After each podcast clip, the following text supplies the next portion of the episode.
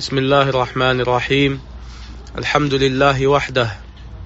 والصلاة والسلام على من لا نبي بعده محمد وعلى آله وصحبه ومن اهتدى بهديه واستنى بسنته إلى يوم الدين. أما بعد welkom allemaal barakallahu fikum in deze lezing of les beter gezegd die gaat over salat al-Eid en over zakat al-Fitr. En over de zes dagen van Shawwal. En we openen de lezing met een gezegende recitatie bi'idnillahi ta'ala van onze broeder en vriend Al-Akh Zaid al-Biljiki حفظه ta'ala فليتفضل مشكورا مأجورا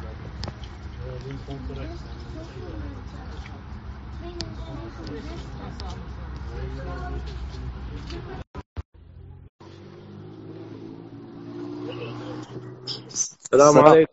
وعليكم السلام ورحمة الله. كيف حالكم يا أستاذ؟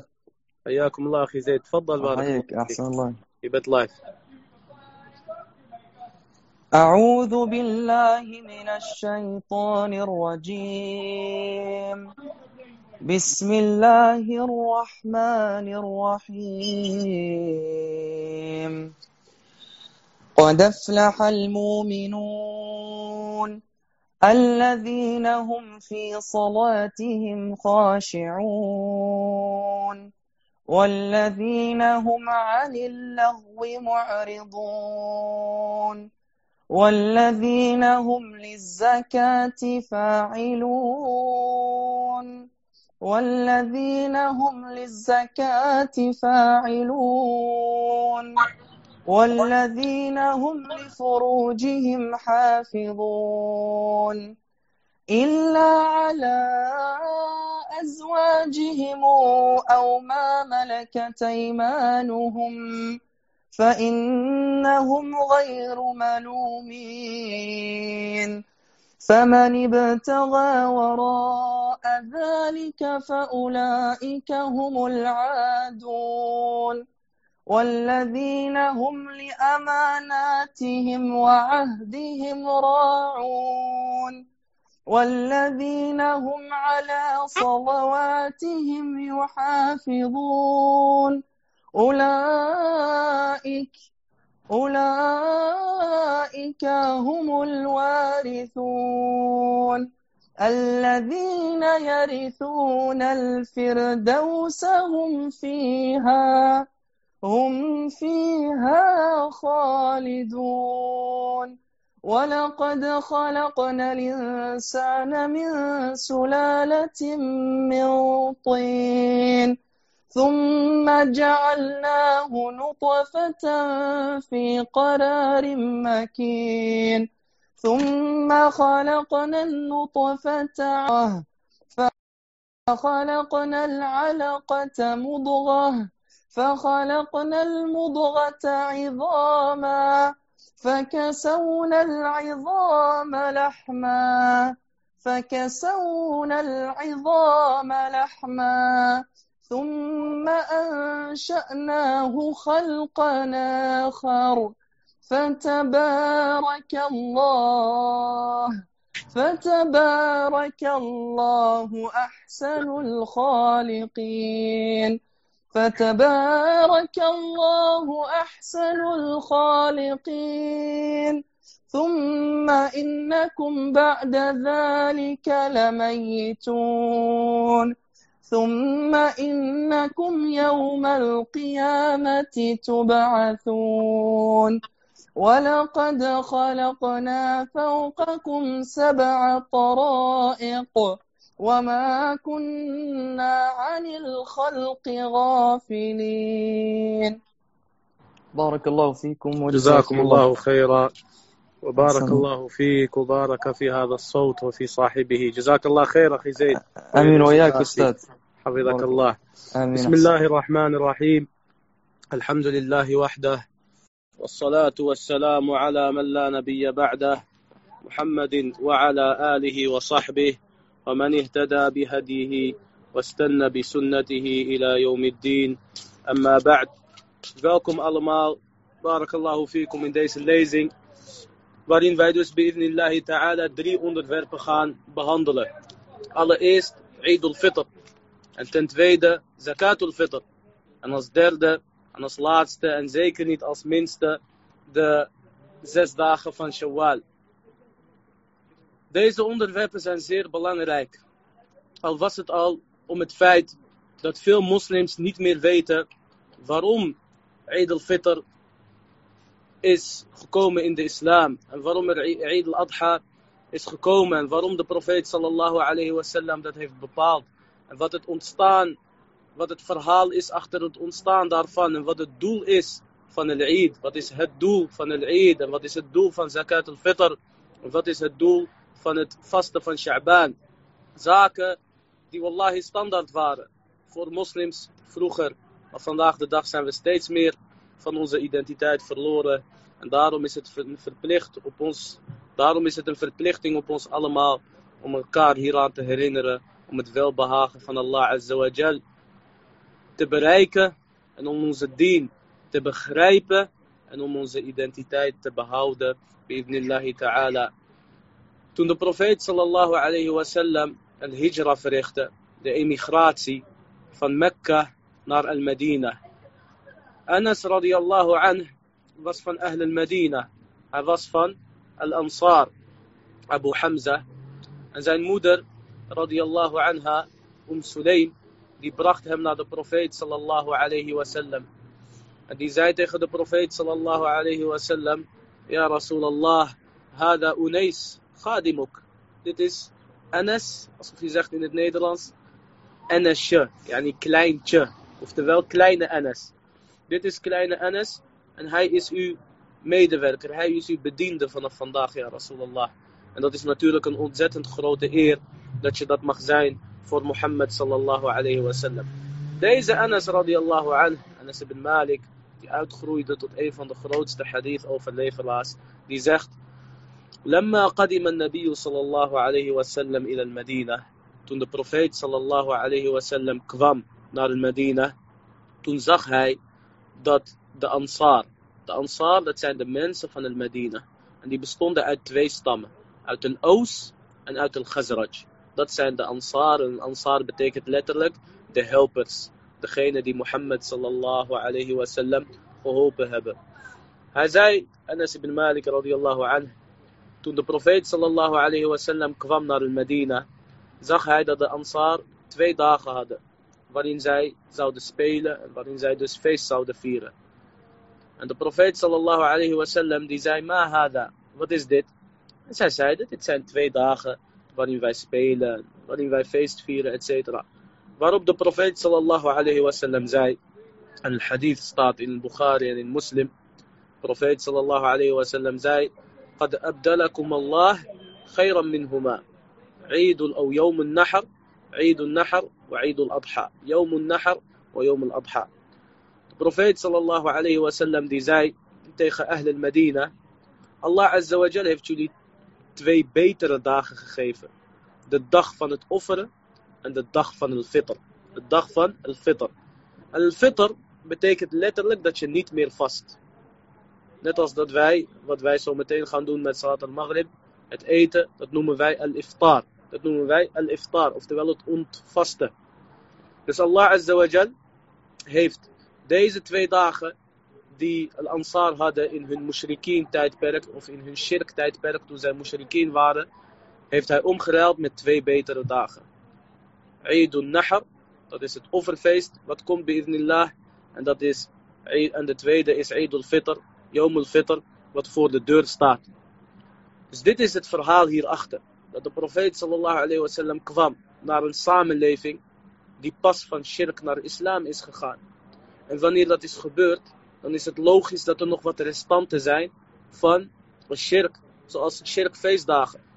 Wat zei de profeet sallallahu alayhi wasallam? Zei hij, maakt niks uit. Net als hoe wij vandaag de dag vaak nieuwjaar vieren of kerst of wat dan ook. En dan zeggen we, maakt niks uit, het is maar een feestdag. Nee, de profeet sallallahu alayhi wasallam gaf gelijk alternatief. Dus hij zweeg niet om iets wat batel is, om iets wat vals is en iets wat onzin is. En deze twee dagen, de geleerden zeggen, dat was Yom Neiruz en Yom al-Mihrajan. En dat zijn Perzische feestdagen tot de dag van vandaag vieren zij Nowruz en vieren zij ook Mahrajan. Waarschijnlijk kennen jullie dat, vooral de Marokkanen onder ons. In Marokko, elke feest heet Mahrajan, Mahrajan, Mahrajan. Of elke festival. Elke event noemen ze Mahrajan dit, Mahrajan dat, langs de boulevard, langs de corniche, etc. Deze Mahrajan was in Medina. De profeet sallallahu alayhi wasallam heeft hem weggehaald. Heeft hem veranderd. Dus twee dingen heeft de profeet sallallahu alayhi wasallam gedaan. Als eerste heeft hij onzin verwijderd.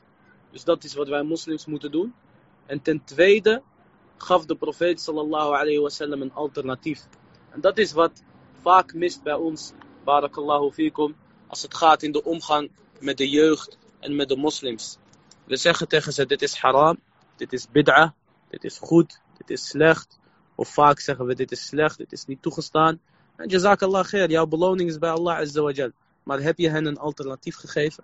Wat wel past binnen de Koran en de Sunnah. Dat is wat de profeet sallallahu alayhi wasallam deed. Want een mens houdt van feesten. En dat is niet erg, mits het met mate is. En dat is dus wat de profeet sallallahu alayhi wasallam heeft gedaan. Hij gaf hen Eid al-Adha en Eid al-Fitr die voor de deur staat. En achter beide zit een verhaal en zitten grote wijsheden. Eid al-Adha is het verhaal van Ibrahim alayhi salam. Inshallah over twee maanden en, en twee weken, tweeënhalf maand, als Eid al-Adha weer komt, zullen we het verhaal van Ibrahim salam samen behandelen. Maar de wijsheid achter Eid al-Fitr, die voor de deur staat, is dat wij een volle maand hebben gevast. En dat het nu tijd is voor een dag van feest, maar ook vooral dankbaarheid tegenover Allah Azza. Dankbaarheid dat wij de Ramadan hebben mogen meemaken. Dankbaarheid dat Hij ons het succes heeft gegeven om te vasten, subhanahu wa ta'ala. Dankbaarheid dat wij Salat al-Tarawih een hele maand hebben mogen bidden, et cetera, et cetera. En dan volgt een dag van feest. En ook deze dag zit vol met aanbiddingen. Deze dag is een dag van dank. En dank is een grote aanbidding. En het is een van de grootste problemen bij de moslims vandaag de dag. Dat zij zelfs van een aanbidding een zonde kunnen maken.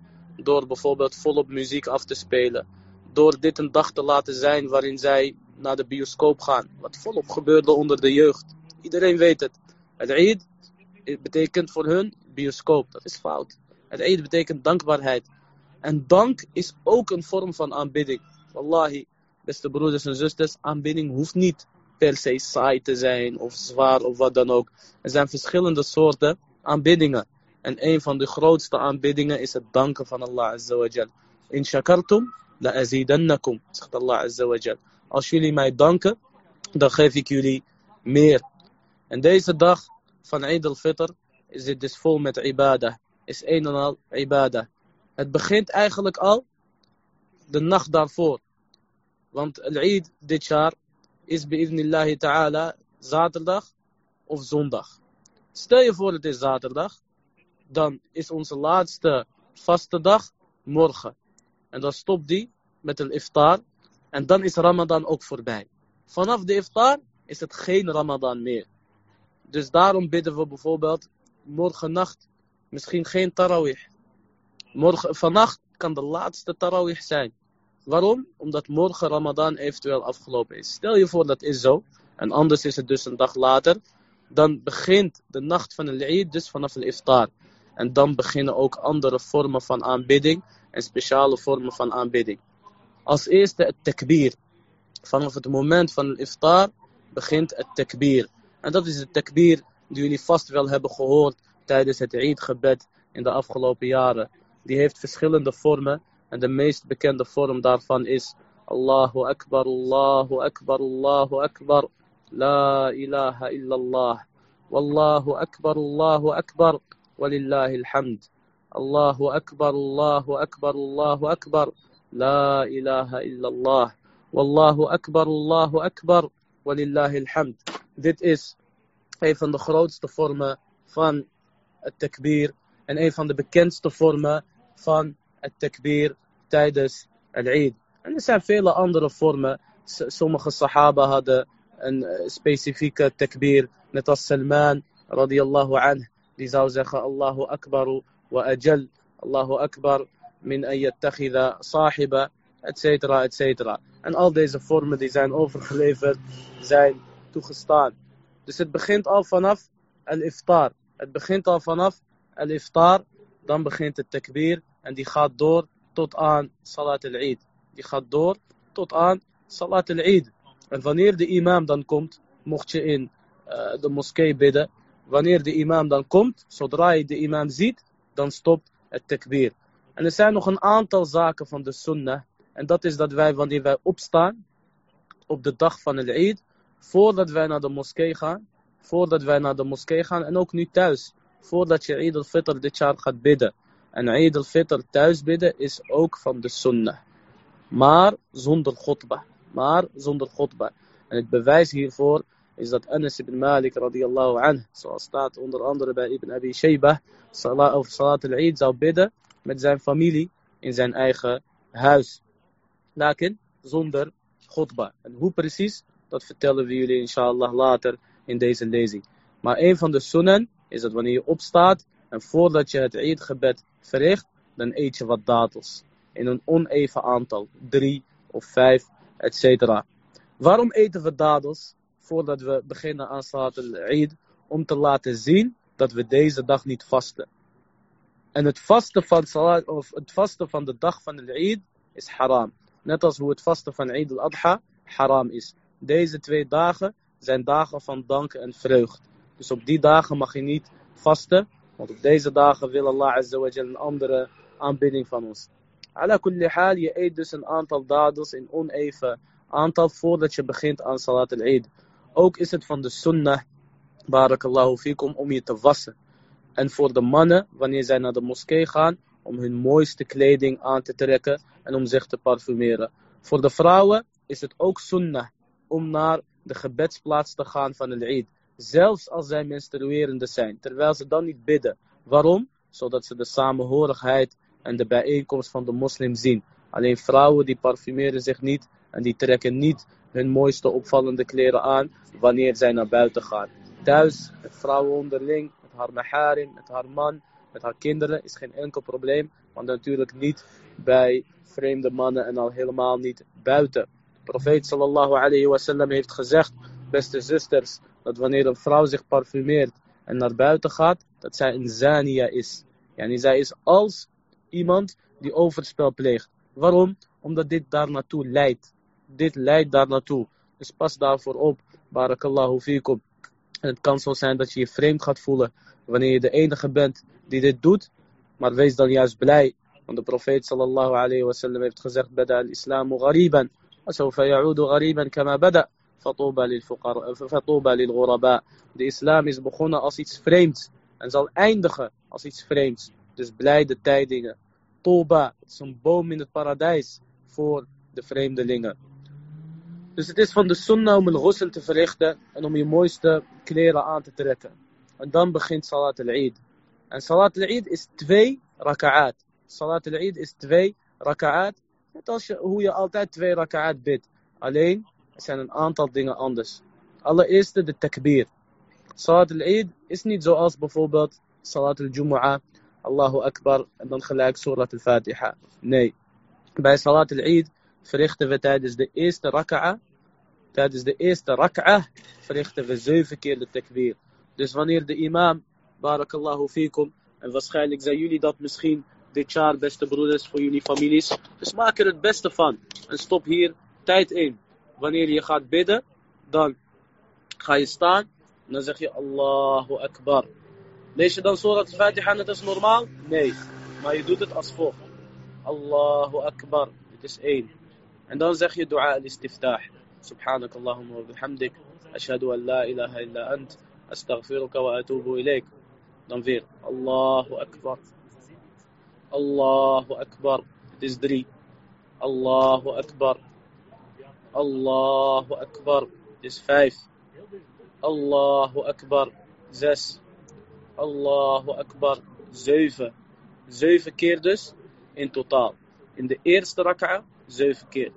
عندهم زخية بسم الله الرحمن الرحيم الحمد لله رب العالمين ليش سورة الفاتحة ناضج سورة الفاتحة ليست هبيدو أبسي ام سورة قاف تليزة اف سورة الأعلى بروفيت صلى الله عليه وسلم زاو ان ذا ايست ركعة اف ايس اف قاف ليزة اف الأعلى ان قاف اس فات لونجر 90 ذا موست سور القرآن الإدارة omschrijft Allah Azza wa Jal letterlijk wat er gaat gebeuren Yom al-Qiyamah. En de discussie tussen de persoon en zijn jinn. En dat hij wordt gesleept uh, door uh, de engelen. En dat Allah Azza wa Jal, dat, dat de hel zelfs gaat spreken op Yom al-Qiyamah. Min mazid? Op de dag dat Allah Azza wa Jal zegt tegen het hele vuur, tegen Jahannam, ben je vol? Er zitten miljarden mensen in. Dus Allah Azza wa Jal zegt, ben je vol? Jahannam zegt, is er nog meer? Want Jahannam is boos en Jahannam is warm. En Jahannam wil eten op de dag des oordeels. En dan zet Allah Azza wa Jal zijn edele voet, subhanahu wa ta'ala, in het hele vuur. Totdat het hele vuur zegt, kat, kat, genoeg, genoeg. Dit is wat allemaal gebeurt op de dag des oordeels.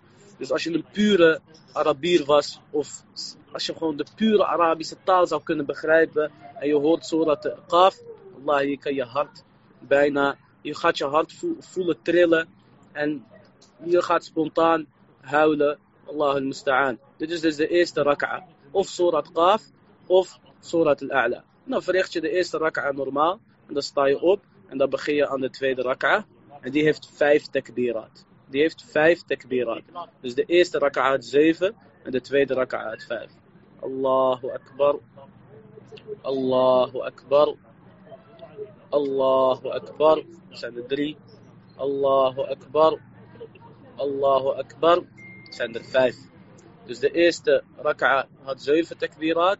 عند تفيد هيفت فايف تكبيرات. عند الليش سورة الفاتحة. عند ناهب يدو اوبسي أم سورة القمر. الليزر اوف الغاشية. سورة القمر. تتفلخت قاف.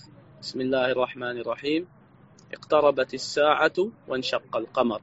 Dat is ook een mooie, lange surah waarin de verhalen van de profeten in vermeld staan. En daarna maak je de raka'at af zoals het hoort en dan geef je de salam. En de sunnah is dan dat de imam daarna een khutbah geeft. Dus niet net als al-Jumu'ah, eerst khutbah en dan pas het gebed. Bij Salat al-Eid is het omgekeerd. Eerst het gebed en dan pas de khutbah. Zonder adhan en zonder iqama. Als je deze twee surah niet, als je deze twee surah niet uit je hoofd kent, dan kan je lezen wat je wil. Huwa Allahu ahad, qul a'udhu bi rabbin nas. Lakin beste broeder, vraag jezelf af. Vraag jezelf af. Als jij redelijk Arabisch kan, of als je, je bent afgestudeerd, je bent een bachelor of een master, of je kan leren. Wat doe je met je leven, barakallahu fiek, als je Surat al-A'la en Surat al-Ghashiyah niet eens kan? Wat heb je dan met je leven gedaan? Allah, dit is een vraag die we onszelf serieus moeten afstellen. En een imam, barakallahu fiek, vanaf dat een kleine jongen uh, gewoon kan bidden, mag hij de imam zijn. Een van de sahaba was 7 jaar. Dus wanneer iemand bijvoorbeeld deze tijd 10 is of 12, hij zou de imam kunnen zijn. Zelfs op zijn zevende, hij zou de imam kunnen zijn. Heeft niet te maken met leeftijd, heeft te maken met kwaliteiten, barakallahu fikum. Als iemand van 10 of 12 of 14 de Koran kent en kennis heeft, dan is hij de imam. Zorg ervoor dat jullie kinderen, dat onze kinderen deze level kunnen bereiken. Mogen Allah Azza wa Jal ons en jullie dat succes schenken. Dat bestaat nog steeds in Nederland. Het wordt nog steeds minder. Maar er zijn kinderen die dat kunnen. Walillahi alhamd. Ala kulli haal, dit is de Salat al-Eid in vogelvlucht. En daarna volgt de khutbah in de moskee. Maar thuis is er dus geen khutbah. En tijdens die khutbah is het een sunnah. Dat het een allesomvattende khutbah is. Waarin de imam ons herinnert aan wat wij moeten doen. En ons herinnert aan zakat al-fitr. Waar wij het zo over zullen hebben. Maar thuis is dus zonder khutbah. En ook is de sunnah van de profeet sallallahu alayhi wasallam. Dat een speciale gedeelte van de khutbah wordt gewijd aan de zusters. Wordt gewijd aan de zusters. De profeet sallallahu alayhi zou, zou zelfs helemaal naar hun toe lopen. En zij bidden natuurlijk altijd achter. En hij zou hun adviseren en bevelen om sadaqa te geven. Dit is de salat al-Eid in vogelvlucht. Verder, barakallahu fikum, thuis, ik herhaal, is dus alleen het gebed zonder khutbah. Alleen het gebed zonder khutbah. En de lezing zal te herbeluisteren zijn. Verder, barakallahu fikum, zouden de sahaba elkaar feliciteren op Yom al-Eid. En dat kan je doen op welke manier dan ook. Knuffelen wordt misschien een beetje lastig dit jaar. Lakin je zegt, taqabbalallahu minna wa minkum. Of je zegt, Eidukum Mubarak. Je zegt niet Eid Mubarak. En als iemand dat zegt, ga niet tegen hem zeggen bid'a of haram of wat dan ook, want dat is het niet. Het is een taalkundige fout. Mabruk is een taalkundige fout. Mabruk, het is Eid Mubarak, een gezegende Eid. Amma Mabruk, subhanallah, Mabruk is van baraka. En dat is wanneer een kameel gaat naar de grond gaat, gaat knielen. Barakallahu fikum. Dus weet dat voor jezelf. De juiste uitspraak is Eid Mubarak. Maar tegelijkertijd zeg ik, beste broeders en zussen, wees geen muggenzifter. Ga niet uh, als bedweterig overkomen en iedereen echt uh, keihard verbeteren. Want dan haal je de hele smaak van de Eid weg, barakallahu fikum. En nogmaals, het is geen bid'a, maar het is een taalkundige fout. Dus je zegt, taqabbalallahu minna wa minkum. Je zegt Eid Mubarak. Je zegt... Uh, je zegt kul bikhair mag ook volgens sommige geleerden en andere geleerden zijn hier moeilijker in. Waarom zeg ik dit? Als iemand dit zegt, wil je verbeteren? Jazakallah khair. Wees geen muggenzifter en wees geen bedweter. Wat belangrijker is dan de uitspraak, is het aanhalen van de familiebanden. Desnoods via telefoon of via FaceTime of wat dan ook. En wat nog belangrijker is, barakallahu fikum, dan het aanhalen van de familiebanden, is het oplossen van ruzies. Is er een oom die je lang niet hebt gesproken? Of nog erger, een broer of zus. Of nog erger, je eigen ouders, billah. Of je kinderen, wat dan ook. Yom al-Eid is het moment om de ruzies bij te leggen. Dus maak daar ook gebruik van, barakallahu fikum. En leg jullie ruzies bij. Alhamdulillah, we hebben net 30 dagen gevast. En vandaag is het een dag van feest. Al mag iemand jou niet, hij zal je niet weigeren. Het is bekend bij ons, degene die de ruzies niet wil bijleggen en wie elkaar niet wil feliciteren en groeten op de Eid. Ja, dat is het ergste van het ergste. En wacht niet totdat iemand die stap neemt. Neem zelf die eerste stap, al zit jij niet fout. Kom niet zeggen, barakallahu fikum, ja maar ik zit niet fout. Wat heeft diegene gedaan? Heeft hij Allah uitgescholden? Heeft hij Mohammed sallallahu alayhi wa sallam uitgescholden? Heeft hij zina verricht? A'udhu billah, vandaag de dag iemand verricht zina. En hij krijgt een kind van zina. En hij gaat met zijn vriendin, of nog erger, zij gaat met haar vriend met elkaar om in zina. En zij worden in onze huizen geaccepteerd, wa'iyadu billah. En hun kinderen huppelen rond alsof er niks aan de hand is. En met dat kind is er ook niks aan de hand. Hij heeft geen enkele zonde begaan. Maar degene uit wie hij voort is gekomen, die heeft de zonde begaan. Die vader is misschien zijn biologische vader, als het gaat om het biologisch proces. Maar islamitisch gezien is hij zijn vader niet. En de moeder is wel zijn moeder, islamitisch gezien en biologisch. Maar het is een grote zonde. Het is een grote zonde en een grote bestraffing riskeren zij bij Allah Azza Maar wat doen wij? Wat doet onze gemeenschap? De meeste van ons. De meeste van ons. Die zijn boos. Eén dag, twee dag, drie dag. Maar de minste van ons die menselijke duivels zijn. Die zeggen ja, maakt niks uit. 2020, lang leven de lot. En dan worden zij geaccepteerd alsof er niks aan de hand is. Maar ruzie om wat geld? Paar duizend euro? Billah, alsof diegene de islam heeft verlaten. Als ze de islam hadden verlaten, dan zouden sommigen van ons misschien makkelijker doen. Ala kulli hier gaat het niet om. Waar het om gaat, barakallahu fikum, is dat we de ruzies moeten bijleggen op Yom al-Eid. Een dag van feest, een dag van vreugde. Zelfs bepaalde vormen van muziek, die normaal haram zijn, zijn halal. Op de, op de dag van al-Eid, net als bij een trouwfeest. En daarmee bedoel ik alleen de bindir, alleen de doef. En dat is een bindir zonder snaartjes. Inshallah, degene die dat niet begrijpt, vraag aan degene die het wel begrijpt. Abu Bakr radiallahu anh, die kwam het huis van de profeet sallallahu alayhi wasallam binnen met Yom al-Eid. En die zag twee meisjes op een dof slaan en zij zouden zingen. En hij zei, Amizmar al-shaytan fi bayti rasulillah. De fluit of mizmar is een soort van fluit in het huis van de profeet sallallahu alayhi wasallam. En de profeet sallallahu alayhi wasallam die zei, laat hun ja Abu. Laat hun ja Abu Bakr. Waarom? Want vandaag is het dag van Eid. Net als dat vrouwen met trouwfeesten ook mogen zingen en dansen, etc. Dat is ook toegestaan met Yom al-Eid. En barakallahu fikum, beste ouders. Als wij al-Eid niet mooi maken voor onze kinderen. Als wij dan niet komen met springkussens en cadeautjes en wat dan ook. Dan gaan zij kijken naar de Eid van de kuffar. Dan kan jij wel zeggen, kerst is haram. Tayyib abi, kerst is haram. Tayyib ummi, kerst is haram. Wat is halal? Eid al-Fitr. Ja, maar Eid al-Fitr is saai. Dat is hoe een kind denkt. Of die het nou zegt of niet. Dus zorg ervoor, barakallahu fikum, dat deze Eid leuk wordt. Maar gelangen, jij kan. En eigenlijk is dit een verplichting op de gemeenschap. Allahu. En op de moskeeën. En op de handelaren. En op de broeders die het wat ruimer hebben. Maar ook op ons allemaal. En alle beetjes helpen. Dit in het kort salat al-Eid. Wat ook belangrijk is, barakallahu fikum, op de dag van al-Eid. Is zakat al-Fitr. En dat is het tweede gedeelte van onze lezing. De profeet sallallahu alayhi wa sallam zei, of de, de, de sahabi zei zoals staat in Sahih al-Bukhari, farada Rasulullah sallallahu alayhi wa sallam sadaqa. De profeet sallallahu alayhi wa sallam heeft een sadaqa verplicht gesteld op, op het Eid. Sa'an min tamr. Of sa'an min sha'ir. على الذكر والأنثى والحر والعبد والصغير والكبير Deze sahabi die zei, de profeet sallallahu alayhi wasallam heeft een sadaqa verplicht gesteld op de dag van het Eid. Een sa' van dadels. Of een sa' van gerst. Daar kan je brood mee maken. En het moet uitgegeven worden per man en per vrouw. Oud of jong, een vrije persoon of een slaaf. Deze hadith is leidend als het gaat om zakat al-fitr. En in een andere hadith staat dat de profeet sallallahu alayhi wasallam zei, degene die het uitgeeft voor het gebed, dat is een geaccepteerde sadaqa. Oftewel, dat is zakat al-fitr zoals het hoort. En degene die het na het gebed pas doet, dat is sadaqa van, dat is gewoon een sadaqa. Maar de sunnah is dus dat het voor al-Eid plaatsvindt.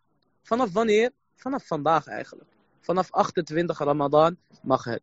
Dus 28 Ramadan kan het. 29 Ramadan. En dan eventueel hebben we 30 Ramadan of de eerste dag van de Eid. En dan kan het tot Salat de Eid. Maar het moet in voedsel. Het moet in voedsel. Hoeveel? Dat ga ik jullie laten zien. Bi'idnillahi ta'ala. De profeet sallallahu alayhi wa sallam zegt een sa'. Een sa' is een hoeveelheid, is een meethoeveelheid ter hoeveelheid van vier volle handen, gemiddelde handen. En de eentje daarvan noemen we een moed. Dus we willen nu zakat al-fitr geven. Ik wil nu zakat al-fitr geven voor mijzelf. Ik ben één persoon. Ik ben één persoon. Ik heb een bak met dadels. Doe zo. Dit is één. Doe ik dit in een bak. Ga ik weer. Dit is twee. Ga ik weer. Dit is drie. Ga ik weer. Dit is vier. Of het nou dadels zijn. Of rozijnen. Of meel. Of tarwe. Of spaghetti. Macaroni mag ook. Alles wat lang houdbaar is en wat goed bellet is. Bijvoorbeeld rijst. Gebruiken we heel veel vandaag de dag. Met name in Azië. Ik was in Saudi-Arabië. De enige zakat die de mensen daar nu kennen. Is rijst. Ook vier keer. Of nou rijst is of dadels. In kilo's verandert dat. Maar dat maakt niks uit. Want het gaat om voedsel. En het gaat om de hoeveelheid. En dat is één sa. En dat zijn vier volle handen. En ze hebben daar een maatbeker voor. Daarmee weten ze precies wat de sa is. En er zijn ook tabellen, barakallahu fikum, waarmee jullie kunnen weten hoeveel het is. Met rijst, barakallahu fikum, is het 2,4 2,4 kilo. En als je 3 kilo doet van alles, dan zit je altijd goed. Bijvoorbeeld meel, wat onder een euro kost, dat is niet veel geld. Maar wat belangrijk is, barakallahu fikum, is dat het in voedsel wordt uitgegeven aan de armen. En niet in geld, zoals heel veel mensen toch wel doen. En dan zeg je broeder, de, de profeet sallallahu wasallam heeft het verplicht gesteld in eten. En jij geeft in geld.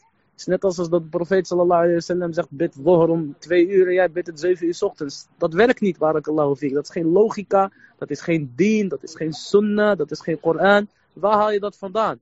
En dan zegt hij, heel flauw, ja, maar de armen accepteren geen voedsel meer. De armen willen geld.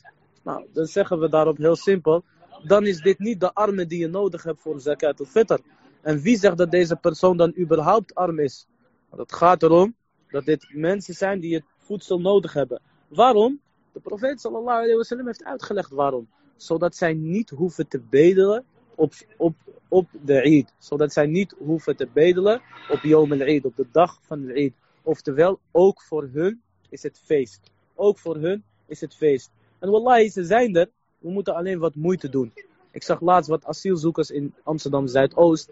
Die zijn er nu waarschijnlijk uit. Lakin een aantal jaar geleden hebben wij het bijvoorbeeld gedaan of gegeven aan asielzoekers in Amsterdam West. En toen de Syriërs pas kwamen en behoeftig waren, hebben we het gebracht aan de Syriërs. En ja, het schort ons eigenlijk aan organisatie. Lakin, wat ik bijvoorbeeld doe en wat vele broeders doen, is dat zij iemand benaderen in Marokko. Een betrouwbare persoon van wie ze weten dat hij het op tijd uitgeeft. En dan geeft hij het aan armen. En wallahi, er zijn genoeg mensen die brood nodig hebben in Marokko. En die krijgen dan meel, of dadels, of rozijnen, of rijst, of macaroni, of wat dan ook. Als een sa, vier volle handen. Laten we zeggen drie kilo ruim, zit je altijd goed. En die geef je dan aan de armen. En daarmee heb jij uh, je verplichting gedaan. Inderdaad, een soort voedselpakket is het voor de armen. Zodat zij ook feest kunnen hebben op de Eid. En zodat zij zich geen zorgen hoeven te maken over hun eten, Yom al-Eid. Barakallahu fikum, dat betekent ook dat je het niet mag uitgeven vanaf één Ramadan of twee Ramadan, zoals sommige moslims doen. Maar pas op Yom al-Eid.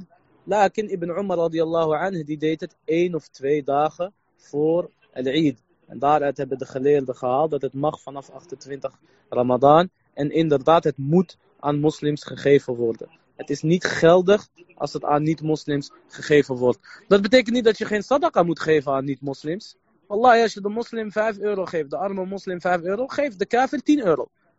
Als je de arme moslim 100 euro geeft of 500 euro, geef de kafir 1000 euro als je kan. Zodat hij moslim gaat worden, bi'idnillahi ta'ala.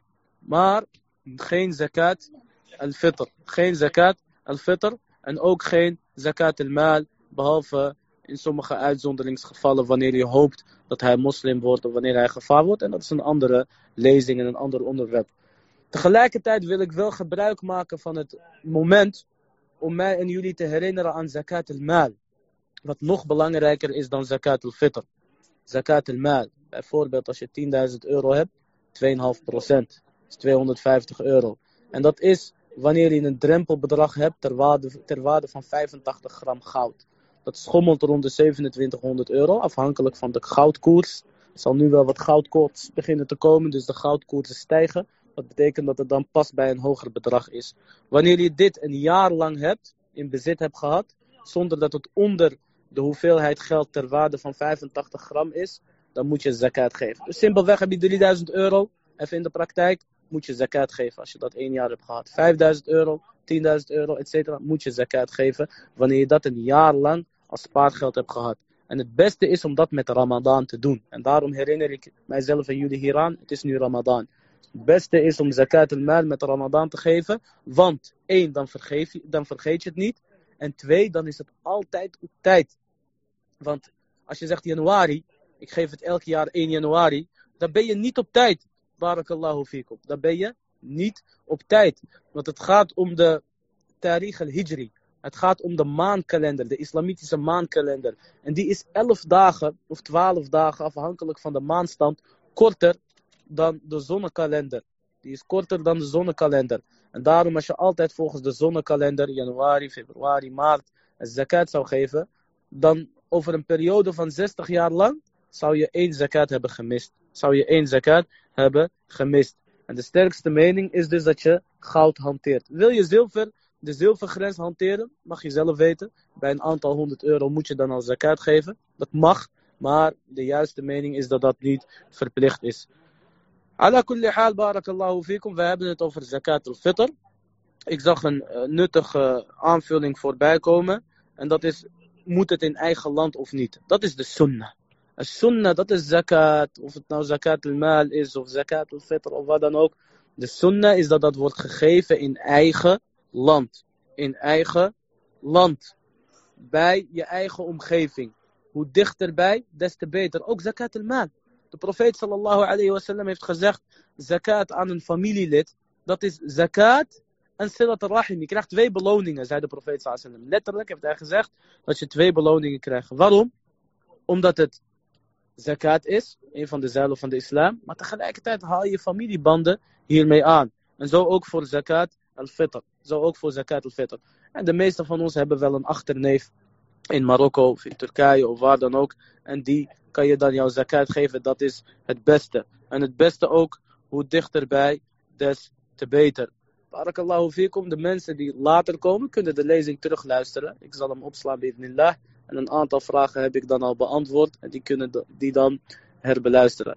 Ala kulli haal, dit is zakat al-fitr. Het moet uitgegeven worden voor elke persoon. Dit is heel belangrijk. Dus jij bent een vader, je hebt een vrouw en je hebt twee kinderen. Dan geef je vier keer zakat al-fitr. Vier keer. Tayyip, je, je bent een vader, je hebt een vrouw en je hebt vijf kinderen. Dan geef je zeven keer zakat al-fitr. Voor elke persoon geef je zakat al-fitr. De profeet sallallahu alayhi wasallam heeft ons uitgelegd. Of het nou een man is of een vrouw. Of die nou jong is of oud. Voor elke persoon moet je één keer zakat al-fitr geven. Zelfs wanneer een vrouw zwanger is, dan is het een sunnah om voor die voetes ook zakat al-fitr te geven. De sunnah van Uthman radiyallahu anh, die zou dat doen. Die zou dat doen. Dus voor elk persoon, barakallahu fikum. En een van de wijsheden daarachter is dat het een soort van reiniging is. Kennen jullie dat wanneer je een fout hebt gemaakt in het gebed? Dan moet je sujud sahu verrichten. Sujud sahu, twee keer extra sujud doen, dat corrigeert jouw gebed. Geleerden zeggen, zo corrigeert zakat al-fitr jouw vasten. Mocht er een beetje tekortkoming zijn in jouw vasten, en wij allemaal schieten tekort, dan zal zakat al-fitr deze tekortkoming reinigen. Dus zeven personen, zeven keer zakat al-fitr. Als je niet kan, dan kan je niet. Heel simpel. Heb je het geld niet, dan kan je niet. Sterker nog, dan heb jij recht op zakat al-fitr, barakallahu fiek, aangezien je het niet kan uitgeven. Laatste punt die ik wil vermelden, barakallahu fiikum, met zakat al-fitr, is het volgende. Dus we hebben gezegd dat het in voedsel moet zijn. En we hebben gezegd hoeveel voedsel dat moet zijn. En we hebben gezegd dat het voor elke gezinslid moet. En we hebben gezegd dat het de sunnah is dat het in eigen land is. En dat het moet aan moslims. Als het niet kan, mag je het geven aan een betrouwbare uh, organisatie of persoon. Liever een persoon. En die geeft het dan op de vastgestelde tijdstip. Laatste vraag die we krijgen is hoeveel is het? De ene zegt het is 5 euro, de ene zegt het is 7 euro, de ene zegt het is 4 euro. En de ene wordt boos, hoezo was het dit, dit jaar, hoezo was het vorig jaar 5 en dit jaar 7, alsof die 2 euro, mashallah, een aanslag zijn op zijn bankrekening. Deze hele vraag is incorrect. Deze hele vraag klopt niet. Als je weet wat zakat al-fitr is, dan weet je dat deze vraag fout is. Hoeveel is zakat al-fitr qua geld? Deze hele vraag is fout. Want het gaat om voedsel. Het gaat om voedsel. Stel je voor, mashallah, je hebt een magazijn thuis. Je hebt in je kelder zakken meel. En je besluit om eh, een aantal zakken meel al-fitr te geven. Dan praat jij niet over termen van voedsel. Stel voor, jij bent een boer. Of je hebt dadelbomen. Of je hebt rijst of wat dan ook. Ala die 5 euro is fout. Waarom is het 5 euro? 5 euro geven wij aan een persoon of een organisatie. En die haalt voedsel met die 5 euro. Je geeft geen 5 euro aan de armen. Nogmaals, je mag de armen, dus de eindpersoon, waar aan de zakat al-fitr wordt besteed, hem mag je geen 5 euro geven. Als je dat doet, is jouw zakat al-fitr ongeldig. Sterker nog, je hebt geen zakat al-fitr gegeven. Maar als jij geld geeft aan een persoon, of een betrouwbare organisatie en die koopt hier geld mee en die geeft dat aan de armen in eten, dan is het geen probleem. Of het nou 5 euro is, of 4 euro, of 7 euro, dat moet je niet vragen aan Ibn Khalifa. Moet je vragen aan degene die die zakat al-fitr gaat geven, barakallahu fikum. En houd er ook rekening mee dat diegene ook kosten heeft. Dat diegene ook kosten heeft en moeite, et cetera. Dus wees nobel, barakallahu fikum. Wees ook een beetje dankbaar dat hij jouw werk overneemt en uh, deze moeite voor jou doet. Wat je aan mij moet vragen is waarmee heb je islamitische verplichting gedaan. En dat is als je dus even gewoon ABC-taal, Jip en Janneke taal, 2,5 kilo rijst aan een arme, islamitische arme hebt gegeven, een moslim arm persoon, voor Salat al-Eid. Dus vanaf vandaag zoek 2,5 kilo rijst, ga naar de Albert Heijn, kijk waar je naartoe wil gaan, eh, naar de Lidl, wat dan ook, koop wat zakken rijst en geef die aan arme personen. Arm is niet dat hij doodgaat van de honger. Arm is gewoon dat hij het moeilijk heeft. Dat hij met moeite boodschappen doet. Dat hij zijn touwtjes nauwelijks aan elkaar kan knopen. Dat hij moet kiezen. Wat betaal ik? Uh, wat, wat, wat, moet ik kopen? Moet ik uh, kipfilet kopen en sla ik dus daarmee melk over? Of, of cola of sinaasappelsap? Of zal ik dit keer uh, wat snoep kopen voor mijn kinderen? Wat betekent dat ik wat minder kipfilet kan kopen, bijvoorbeeld. Als je, als je deze gedachten moet hebben in Nederland, anno 2020, dan ben je arm. Als je niet in staat bent om te trouwen, dan ben je arm. Dan heb je recht op zakat al Kan je geen kleine autootje kopen, dan ben je arm. Kan je de huur niet betalen, dan ben je arm. Uh, kan je niet uh, 1000 euro betalen voor je rijbewijs, voor je, dan ben je arm. Heel simpel. Kan je geen Eid kleren kopen omdat je het geld niet hebt, dan ben je arm. Het is heel simpel, barakallahu fikum. Alleen wij maken het moeilijk. En inshallah zullen we het hier vaker over zetten. Waar uh, kan je ze vinden? Je moet ze zoeken, barakallahu fikum. Ik zou gaan uh, staan voor een voedselbank. Uh, die mensen over het algemeen, je ziet wel wie arm is of niet. Kan je dat niet? Heel simpel, bel iemand in Marokko, zoek een organisatie en die geven het bi'irnillahi ta'ala. Er zijn geleerden, barakallahu fikum, die toestaan om geld te geven. Lakin wat is hun bewijs vanuit de kitab en de sunnah? Allah Azza gaat ons niet vragen, Yom al-Qiyamah, geleerde. Hij gaat ons vragen, heb je kennis opgedaan? Heb je de Koran en de Sunnah opgevolgd? En zoals, wie is die geleerde? Wie zegt dat die geleerde betrouwbaar is? Maar voor het gemak zeg ik nu in deze discussie over zakat al-fitr. Er zijn edele geleerden, fiqh geleerden die het vroeger hebben gezegd. Lekker, ze hebben geen enkel bewijs vanuit de Koran en vanuit de Sunnah. Dus ben je daarmee vrij van vervolging Yom al-Qiyamah? Of ben je eigenlijk gewoon een beetje lui en laks en wil je er vanaf? Laten we vooral eerlijk tegenover elkaar zijn. Is het zo moeilijk om 2,5 kilo rijst te kopen en te geven aan een arme? Wallah, dat is niet moeilijk. Je koopt ook rijst voor jezelf, voor jezelf. Je eet zelf ook rijst. Diezelfde rijst, geef die aan de armen. Of zoek een betrouwbaar persoon en laat hem dat doen. Laat hem dat doen. En daarmee heb je je verplichting gedaan tegenover Allah Azza. Dit wat betreft zakat al-fitr. Barakallahu fikum, zoals sommigen van jullie merken. Ik probeer mijn lezingen simpel te houden, want mijn doelgroep zijn mensen die over het algemeen weinig Arabisch kunnen en niet echt de boeken bestudeerd hebben. Dus ik bespaar jullie heel veel details. Jazakumullahu khaira. Als laatste wil ik het hebben over het vasten van Shawwal. Na Ramadan stopt het vasten niet. Barakallahu fikum. Het verplichte vasten stopt vasten is alleen verplicht tijdens de maand Ramadan. Maar het is sunnah om een aantal dagen daarna ook te vasten. En de beloning daarvan is groot. De profeet sallallahu alayhi wa sallam die zei: Man sama Ramadan wa atba'ahu bi sittin min Shawwal kana ka siyam al-dahr. De profeet sallallahu alayhi wa sallam zei en de hadith is sahih verklaard door de Sheikh al-Albani rahimahullah. En we zullen hem binnenkort ook posten. Degene die Ramadan vast en dat laat opvolgen door middel van zes dagen van Shawwal. Shawwal is een maand, beste broeders en zusters. Net als hoe januari, februari, maart, april een maanden zijn. In de islam hebben we Muharram, Safar, Zulhijjah, Zulqa'da. Nu zitten we in Ramadan. Voor Ramadan is Sha'ban. Na Ramadan volgt Shawwal. je prijsvraag. Degene die het weet krijgt een voucher inshallah voor boeken. Wat volgt na Shawwal? Wat volgt na Shawwal? Ewa, jij mag ook meedoen. Dit is het probleem, dat wij dit niet weten, jazakumullahu khaira. Dus je hebt Sha'ban, dat is maand 8. Je hebt Ramadan, dat is maand 9. Je hebt Shawwal, dat is maand 10. Je hebt Dhul Qa'da, dat is maand 11. Je hebt Dhul Hijjah, dat is maand 12. Ik zal de prijs versturen naar de eerste die het antwoord gaf voordat ik het zei. En dat is Hijama Enschede. Die kan mij inshallah een privébericht sturen. Dhul Hijjah is de twaalfde maand. En daarin uh, komt Al-Hajj. En dan begint weer maand 1 en dat is Muharram. Dus Shawwal is maand 10. Het is dus één maand. Het is dus één maand. Bestaat uit 29 of 30 dagen. Als je zes dagen van die maand vast. De profeet sallallahu alayhi wa sallam zegt wie Ramadan heeft gevast en daarna zes dagen van Shawwal heeft gevast, het is alsof hij het hele jaar heeft gevast. Dus eigenlijk heb jij 35 of max 36 dagen gevast, maar je hebt de beloning bij Allah alsof jij het hele jaar hebt gevast. Waarom? Heel simpel. Ramadan is één maand. Wal hasana bi ashri. Als je één hasana verricht, Allah beloont keer tien. En als hij wil, nog meer subhanahu wa ta'ala.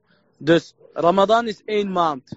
Allah azza wa jal beloont jou daarvoor alsof je tien maanden hebt gevast. En Shawwal zijn zes dagen. Allah azza wa jal beloont je daarvoor alsof je 60 dagen hebt gevast. En 60 dagen zijn twee maanden. En 10 maanden plus 2 maanden zijn 12 maanden en dat is één jaar. Subhanallah, voor 36 of 35 dagen vasten krijg je het beloning alsof je de hele jaar hebt gevast. En die beloning hebben wij nodig, jazakumullahu khaira, zodat we onze zondes kunnen compenseren en onze tekortkomingen kunnen compenseren. Dus ik adviseer mezelf en jullie om de dagen van Shawwal te vasten. Wanneer? Dat mag je zelf weten. Behalve één dag van Shawwal. Behalve één dag van Shawwal die je niet mag vasten. En dat is simpelweg de eerste dag van Shawwal. Want de eerste dag is Yom al-Eid. De eerste dag is Yom al-Eid. Barakallahu fikum. Die is haram om te vasten. Dus vanaf Shawwal dag 2 mag je vasten. Er is alleen één maar. Er is alleen één maar. En dat is dat je eerst Ramadan helemaal moet hebben gevast. Dus, als je ziek was. Dus, uh, als je je periode had als zuster. Dus, als je op reis was. Alhoewel dat nu een beetje moeilijk is geweest. Nou, het kan. Meer dan 83 kilometer is islamitisch gezien een reis. Dus als je ziek was. Of je was op reis. Of je had als vrouw zijnde je periode. Dan moet je eerst de dagen van Ramadan inhalen. Dan pas vast je Shawwal. Want de profeet sallam heeft letterlijk gezegd. Men sama Ramadan. Wie Ramadan heeft gevast. Wa atba'ahu bi sittin min Shawwal. En dat laat volgen door zes dagen van Shawwal. Dus eerst Ramadan en dan zes dagen van Shawwal. Barakallahu fikum. Ik voel het al aankomen, dan krijgen we de eeuwige vragen. Mag ik Ramadan en Shawwal vasten met twee intenties? Mag ik dit, mag ik dat? Jazakallah khair, die korting kan ik niet uit mijn broekzak voor jou toveren. Al zijn er geleerden die dit hebben gezegd, heeft de profeet sallallahu alaihi wasallam dit gedaan? Hebben de sahaba dit gedaan? Dat zijn onze voorbeelden. Staat het in de Koran? En het feit dat het niet is gedaan, in de, niet is gedaan door de profeet sallallahu alaihi wasallam of door de sahaba, sluit de discussie jazakumullahu khairan. En wees niet laks. Wees niet laks. Wees blij dat Allah jou een excuus heeft gegeven. Dat jij Ramadan, dat jij tijdens Ramadan niet hoefde te vasten met de volgende reden. Wat wij eigenlijk doen is dat wij een excuus hebben gekregen van Allah Azawajal. En die excuus willen we dan even gebruik van maken door een dubbele beloning voor te krijgen. Wat betreft het vasten van Shawwal en de witte dagen. De witte dagen zijn vaste dagen, barakallahu fikum. 13, 14, 15. Shawwal dat is variabel. Dat is flexibel. Jij mag er zelf voor kiezen wanneer jij die wil vasten. Dus als jij die vast tijdens de 13e, 14e, 15e, dan heb je die gevast tijdens de witte dagen. Of je de beloning krijgt of niet, dat kan. De fadl van Allah is wijd. De fadl van Allah de gunst van Allah is groot. Maar er staat niet direct iets over in de kitab en in de sunnah voor zover ik weet en zover mijn geleerden weten die ik hierover heb gevraagd. Wat ik wel adviseer, en daarmee wil ik afsluiten, barakallahu fikum. Er zijn te veel vragen, of er komen veel vragen, en jullie kunnen die altijd achteraf stellen via deze pagina. Wat wij weten beantwoorden wij, en wat we niet weten zeggen we, Allahu a'lam. Wat ik als laatste wel wil adviseren, is vast de maandagen en de donderdagen. Zelfs als je die tijdens Shawwal zou vasten, dan kan dat makkelijk acht keer voorkomen en je hebt maar zes dagen daarvan nodig. Dus vast de maandagen en de donderdagen. Daarmee heb je Shawwal gevast en daarmee heb je ook jezelf getraind en geoefend om te vasten op de maandag en de donderdag. En dat is wat de profeet sallallahu alayhi zou doen. Want op deze dagen stijgen jouw daden naar Allah azza wa Op deze dagen wordt een rapport over jou geheven naar de hemel. Maar Allah Azza weet wie jij bent. En hij weet wat jij doet. En hij weet ook wat jij doet op dat moment. En de profeet sallallahu alayhi wa sallam die zei, bi abi huwa wa ummi, hij zei, wa uhibbu an yurfa'a amali wa ana sa'im. En ik hou ervan dat uh, mijn daden worden geheven terwijl ik aan het vasten ben. En het vasten van de zes dagen van Shawwal, dat mag achter elkaar en dat mag los van elkaar. Dat mag hoe jij wil. Zolang het maar binnen de maand van Shawwal is, behalve één dag, dat is de eerste dag van Shawwal, dat is de dag van Al-Eid, dan is het haram om te vasten. Dus vanaf één dag na Al-Eid kan je vasten. Vanaf één dag na Al-Eid kan je vasten. En dat zie je ook bij onze oude garde, Allahumma barik. De eerste dag van Eid nemen ze een soort van pauze, verplichte pauze. Dan uh, vieren ze Eid. En dag 2, 3, 4, 5, 6, dus 7 Shawwal, de eerste week na Shawwal hebben ze alles, hebben ze alles gevast. En dit is een goed teken. Die waren niet net als ons. Witte dagen, uh, Ramadan, mix, uh, Harira, alles bij elkaar, et cetera. Nee, die zouden gelijk vasten. Die zouden gelijk vasten vanaf 2 Shawwal. Waarom? Dat zijn mensen die het paradijs willen, barakallahu fikum. Niet alleen het paradijs, maar de hoogste level van het paradijs. En subhanallah, zij snappen ook het Arabisch. Zij lezen de uitspraak van Allah azawajal. Fastabiqul khairat. Haast je naar de goede daden. Dus zonder twijfel is het beter om die achter elkaar te vasten vanaf twee Shawwal. Omdat je dan je haast naar de beloningen. En dat is een goede daad, dat is een goede daad op zich. Dit is wat betreft deze drie zaken in vogelvlucht. Alles wat ik juist heb gezegd is door middel van het succes van Allah alleen. En alles wat ik verkeerd heb gezegd komt van mijzelf en van de shaitaan. هذا والله أعلم وصلى الله وسلم على نبينا محمد وعلى آله وصحبه أجمعين